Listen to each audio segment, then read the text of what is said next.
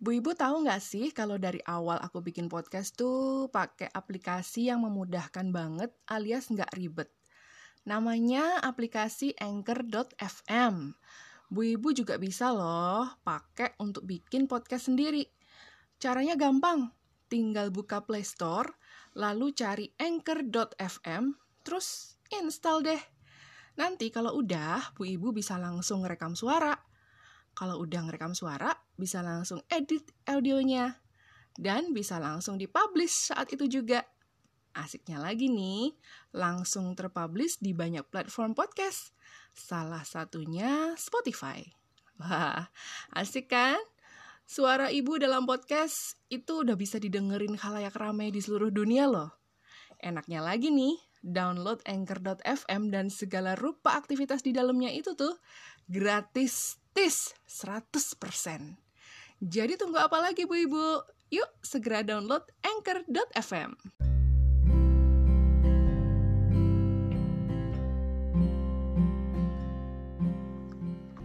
Hai hai, Assalamualaikum Bu Ibu, it's nice to be with you again this time Udah masuk ke pertengahan September ya Bu Mudah-mudahan Bu Ibu tetap ceria, riang, gembira, tanpa keluh kesah, resah gelisah, ingin mendesah.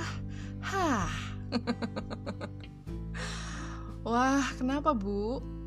Lagi ada masalah? Ada yang sedang dipikirin? Bingung mau mengutarakan maksud? Ya udah kalau gitu diselatankan saja.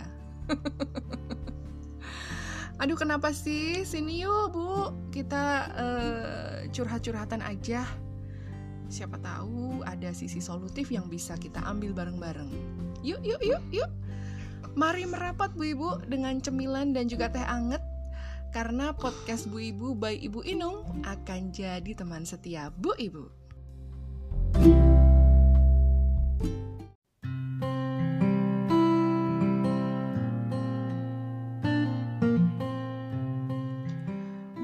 Di episode kali ini aku mau bacain surat. Tepatnya DM sih uh, direct message yang masuk ke akun IG-nya podcast Bu Ibu.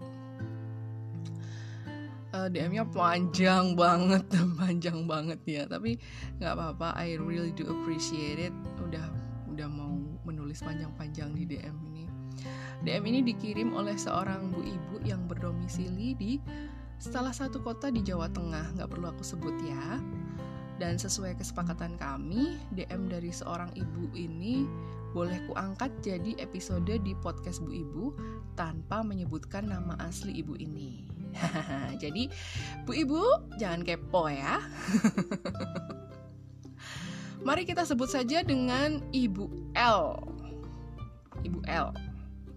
Aku bacain sekarang ya.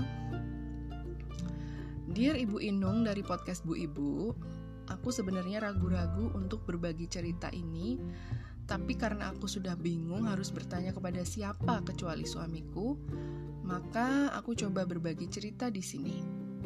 Siapa tahu Ibu Inung bisa menyuarakan kegelisahanku dan berbagi solusi.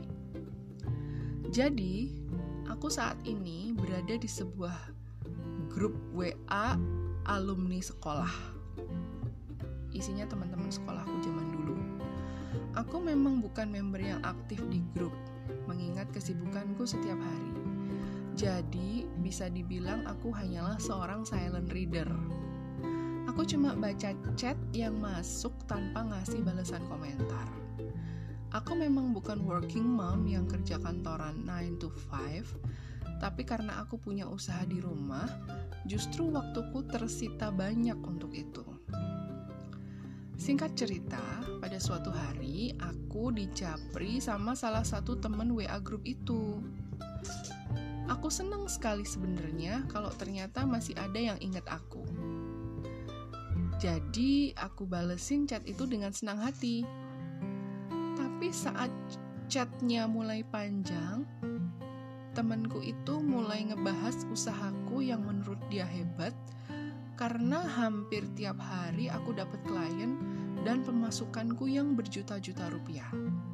Padahal aku nggak pernah cerita loh berapa pemasukanku. Lalu temanku itu mulai ngechat dengan kata-kata, maaf ya kalau lancang, tapi kira-kira kamu ada uang nggak sekian juta? Aku sedang butuh banget. Langsung aku diem, nggak bales chatnya itu. Karena aku bingung harus gimana ngebalesnya. Maksudku, kok tiba-tiba ngechat kayak gini sih? Jadi dari tadi ngechat ngechat akrab sama aku tuh endingnya mau ke situ. Aku bingung. Di satu sisi aku seneng bisa connect lagi dengan teman lama. Tapi di sisi lain aku tetap nganggep dia itu orang asing. Salah nggak aku bu? Karena bisa dibilang sejak lulus sekolah sampai sekarang nggak pernah ketemu barang sekalipun jadi bisa dibilang kami ini dua orang asing kan? Tapi kenapa kok bisa setega itu mengutarakan niatnya meminjam uang dariku? Yang jadi pikiranku lagi, kenapa kok aku? Orang yang lebih dari 15 tahun gak ketemu. Apakah dia sudah gak ada orang tua, keluarga, atau kerabat yang bisa dimintain tolong? Ibu Inung, kejadian ini ternyata nggak cuma sekali. Temanku yang lain dalam WA grup alumni yang sama juga tiba-tiba ngontak aku. Dia malah nggak ngechat, tapi justru WA call, telepon. Dengan nada suara ramah dan seakan ingin mengenalku lagi setelah sekian tahun gak ketemu, dia ngajak ngobrol aku. Sampai akhirnya terdengar juga kalimat yang hampir sama. Jeng, kamu sedang ada uang 5 juta enggak? Aku sedang butuh. Soalnya usahaku sedang kekurangan.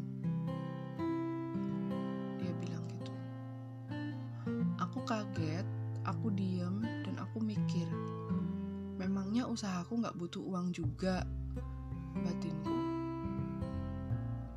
Tiba-tiba dia bilang, dia tanya lagi kalau 5 juta nggak bisa misalnya 3 juta bisa nggak dia nawar dia menurunkan jumlah uang yang mau dipinjam dengan harapan aku bersedia minjemin kalau nominalnya dikurangi. Lagi, kenapa ya orang-orang ini? Apakah sampai segitunya sampai harus mencari pinjaman uang ke temen yang berpuluh-puluh tahun gak pernah ketemu sama sekali? Orang-orang terdekat mereka di mana sih? Dan kenapa aku? Aku selalu mikir kayak gitu. Apa aku ini udah dinilai jadi orang yang kaya banget jadi bisa minjemin uang ke orang-orang kalau kata mereka aku dinilai sukses karena usahaku lancar.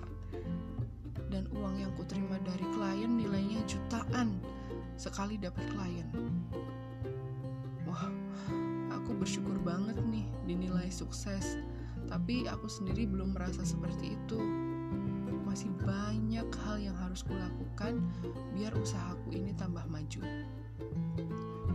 Uang jutaan yang kuterima dari klien tentunya akan aku pakai lagi buat membiayai usahaku, seperti beli item atau aset baru biar selalu up to date dan ngikutin tren dan bisa memenuhi permintaan klien. Terus buat beli bahan baku, buat bayar honor para asisten, buat biaya transport, buat bayar tagihan-tagihan, buat kebutuhan hidup per bulan,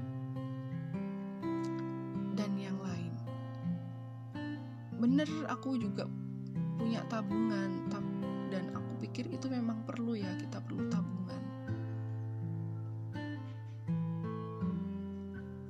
Aku bisa meminjamkan uang tapi tentunya ada syarat dan ketentuannya misalnya kepada keluarga terdekat dan aku benar-benar ngerti keadaan real mereka bahwa mereka benar-benar sedang sangat butuh aku tahu benar bahwa reputasi mereka baik. Maksudku, mereka akan ngembaliin uang yang mereka pinjem gitu. Tapi kalau temanku sesama alumni ini gimana? Udah bertahun-tahun gak ketemu, tiba-tiba ngechat, dan ngerasa jadi akrab dan deket selama chatting. Tapi tiba-tiba bilang mau pinjem duit. Mereka deketin aku karena hanya ngelihat aku dari status WA dan story IG ku aja. Padahal aku juga mungkin berdarah-darah ngurusin usahaku. Nggak pernah tahu reputasi mereka gimana kalau berhubungan sama uang. Apakah akan dikembaliin atau gimana? Jujur aku nggak mau suudon, tapi bagiku mereka itu tetap orang asing. Ibu Ino, pernah nggak Bu Ino ngalamin kayak aku? Gara-gara ini aku jadi nggak enak hati sendiri. Misalnya ngasih komen di story-story WA atau IG mereka itu jadi sungkan sendiri. Ya karena jujur, aku masih ada rasa takut tiba-tiba mereka bilang mau minjem uang ke aku aku jadi sungkan buat memulai pembicaraan. Dan gimana kalau seandainya misalnya nggak sengaja ketemu di tempat umum gitu? Kalau inget histori masalah pinjam meminjam duit itu, pasti akan jadi awkward kan? Thank you ya udah mau nerima curhatanku. Oh, oke. Okay. Itu tadi curhatan yang panjang di DM uh, podcast Bu Ibu by Ibu L. Thank you ya Ibu L udah mau berbagi. I believe it's not easy for you, but I do appreciate it. Mudah-mudahan Ibu L dilancarkan usahanya ya, dilimpahkan juga rezekinya. Amin. Doa yang sama untuk uh, ibu-ibu yang sedang dengerin podcast ini. Ibu L, aku yakin Ibu L nggak sendiri. Aku yakin banyak juga uh, ibu-ibu, pak-bapak juga ya, barangkali yang pernah ngalamin kayak gini. Terus digimanain ya enaknya? dipinjemin nggak atau digimanain ya well sebelum ngomongin harus dipinjemin atau enggak hmm, aku jawab dulu deh pertanyaan ibu L tadi kan bu ibu L tanya pernah nggak bu Inung ngalamin kayak aku? Gitu kan. Uh, iya bu. Aku pernah juga ngalamin kayak gitu. Ya karena aku juga punya grup WA alumni gitu ya yang isinya alumni teman sekolah gitu teman-teman sekolah dulu itu aku juga punya kayak gitu. Dan aku juga pernah ngalamin kayak ibu L ini. Bahkan bisa dibilang ya mirip-mirip lah terus kira-kira reaksiku gimana penasaran nggak well aku cuma bisa bilang ke temenku yang berniat mau minjem duit ke aku itu cuma aku cuma bilang gini Hei, nggak salah nih. Kok aku? Aku bilang kayak gitu. Maksudku, kok ke, kok ke, kok minjamnya ke aku gitu loh. Aku tuh siapa sih? Crazy Rich bukan, Sultan bukan, anak Sultan juga enggak. Kok bisa-bisanya gitu loh mereka yang eh, berpuluh-puluh tahun nggak pernah ketemu dengan aku tiba-tiba bilang mau minjem uang sama aku gitu. Mau nggak mau kan aku harus memperjelas ya bahwa aku itu adalah ibu rumah tangga aku hidup dari penghasilan suami. Gitu. Kalaupun aku terlihat seperti ada aktivitas usaha itu masih skala kecil banget. Ya hasilnya paling buat jajan anak doang. Jadi aku aku tuh jadi ngerasa nggak kebalik nih gitu. Kenapa aku bisa mikir kayak gitu? Karena temenku sesama alumni yang bilang mau pinjam uang ke aku itu adalah seorang pekerja aktif 9 to 5 punya kantor sendiri punya karyawan punya koneksi yang menurutku lebih dekat ke orang-orang berpunya daripada aku yang seorang ibu rumah tangga. Gitu loh. Aku tahu backgroundnya dia jadi aku mikirnya kok ke aku sih nggak kebalik nih? Gitu. Kejadian kayak gini tuh bikin aku mikir sebenarnya mereka mau minjem tuh untuk apa sih? Apa bener-bener lagi butuh banget gitu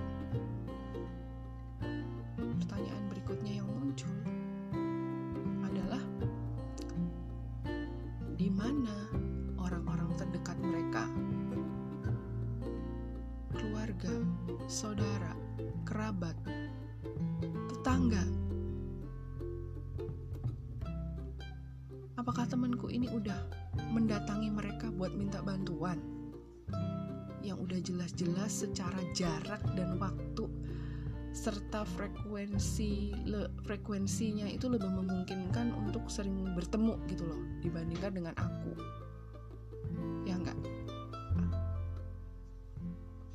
bayangin ya udah berpuluh tahun nggak ketemu secara face to face dan misalnya lanjut ngobrol lama gitu lalu dipertemukan dalam sebuah grup WA alumni sekolah gitu. Oke, udah jadi rahasia umum juga ya kalau misalnya kita chatting di grup itu bisa intens dan rame, terus kita ngerasa jadi deket lagi, ya kan? Jadi kayak dulu zaman kita sekolah dulu yang ngerumpi bareng, bahas soal bareng, ke kantin bareng, makan bareng gitu kan, curhat-curhatan gitu. Tapi itu kan pada saat ngechat. Dan itu juga nggak bisa ngegantiin pertemuan yang sifatnya fisikal ya kan? Oke misal kita pernah ketemu di acara reuni sekali sekali aja. Mungkin kita pas reuni itu sempat ada di dalam situasi ngobrol yang akrab, bisa nostalgia, bisa ketawa, hahaha bareng-bareng gitu. Tapi itu kapan? lima tahun lalu, 10 tahun lalu, dan hanya bertemu sekali pada saat itu doang gitu loh. Kalau buat aku, tetap bagiku itu orang asing. Apalagi nih berkaitan dengan duit ya. Ditambah lagi kalau misalnya sampai sekarang pasti ada dong perbedaan domisili, ya kan?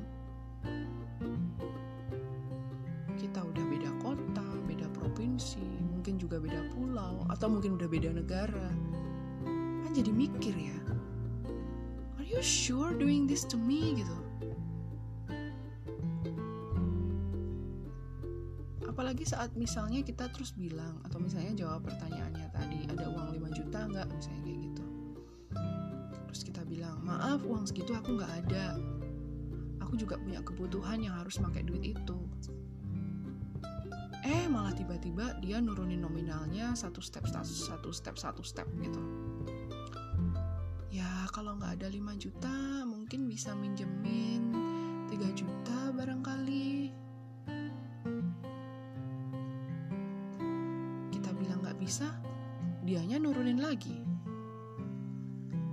Tapi kalau satu juta ada kan ya gitu. Kok malah kesannya maksa ya? Dan kenapa sih? Kayaknya kok gampang banget berkata-kata seperti itu gitu loh. Jadi seuzon kan akunya. Seuzon jangan-jangan dia ini malah pemain gitu. Pemain pemain utang maksudnya jadi memang itu tuh jadi satu hal yang bikin dia itu utang. Entah untuk apa tapi yang jelas dia berutang lagi untuk nutupin utang lainnya. Gitu aja ya kadang aku tuh mikir kalau memang butuh pinjaman uang kenapa nggak ke lembaga keuangan aja sih? Bank banyak loh koperasi juga ada. Kalau misal untuk memperlancar usahanya kan bisa ngajuin pinjaman usaha ya nggak kenapa kok kayaknya susah banget gitu loh nggak mau ke bank karena nggak ada yang dijadiin jaminan. Aku yakin ada lah. Nggak mau ke bank karena takut nggak bisa nyicil angsurannya tiap bulan. Lah emangnya kalau minjem ke temen jadi nggak takut gitu nggak takut nggak bisa nyicil wah kepedean banget kayaknya temennya nggak bakalan nagih gitu justru yang terjadi yang terjadi itu kan biasanya malah sebaliknya ya. Yang ngutangi atau yang ngasih utang itu jadi susah mau minta duitnya balik. Nah itu juga yang aku takutkan bu ibu. So bisa ditebak ya jawabanku apa? Ya aku nggak akan minjemin gitu. Atau juga itu juga bukan uangku kan uangnya suamiku gitu aku akan memperlakukan terms and condition berkaitan dengan pinjam meminjam uang bu ibu.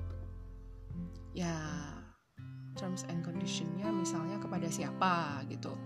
Sebisa mungkin untuk yang lebih dekat hubungannya dengan aku ya. Hubungan darah alias kandung itu tentu akan jadi priority daripada yang sifatnya hanya kegerabatan aja gitu. Apalagi teman alumni yang berpuluh tahun yang yang kita udah nggak tahu bentuknya seperti apa nggak pernah ketemu secara fisik wah itu bakalan ada di antrian nomor sekian gitu loh. Dan sekali lagi aku akan berpikir dan mengutarakan jawabanku kepada si temen ini dengan apa nggak kebalik? Kok kamu minjem ke aku? Aku bilang kayak gitu bu ibu uh, disclaimer dulu ya itu adalah opini pribadiku ya karena berkaitan dengan keadaan dan kemampuan finansialnya aku ya tentunya aku juga berharap sih dan berusaha supaya bisa jadi lebih baik lagi ke depannya kemampuan finansialnya aku. Kalau bu ibu ternyata diberkahi dengan limpahan finansial yang numpuk, boso jawanya itu turah-turah alias sisa banyak gitu ya. Monggo, silahkan ambil keputusan sendiri. Gimana baiknya ngadepin temen kayak tadi. Karena bisa dibilang hal ini itu uh, subjektif sekali ya kan berkaitan dengan kemampuan finansial seseorang. Once again, thank you untuk Ibu L yang udah mau share lewat DM. Panjang banget sih emang, tapi thank you banget. I really do appreciate it. Dan uh, mudah-mudahan Ibu L nggak galau lagi ya mau ambil keputusan yang seperti apa, mau minjemin atau enggak gitu.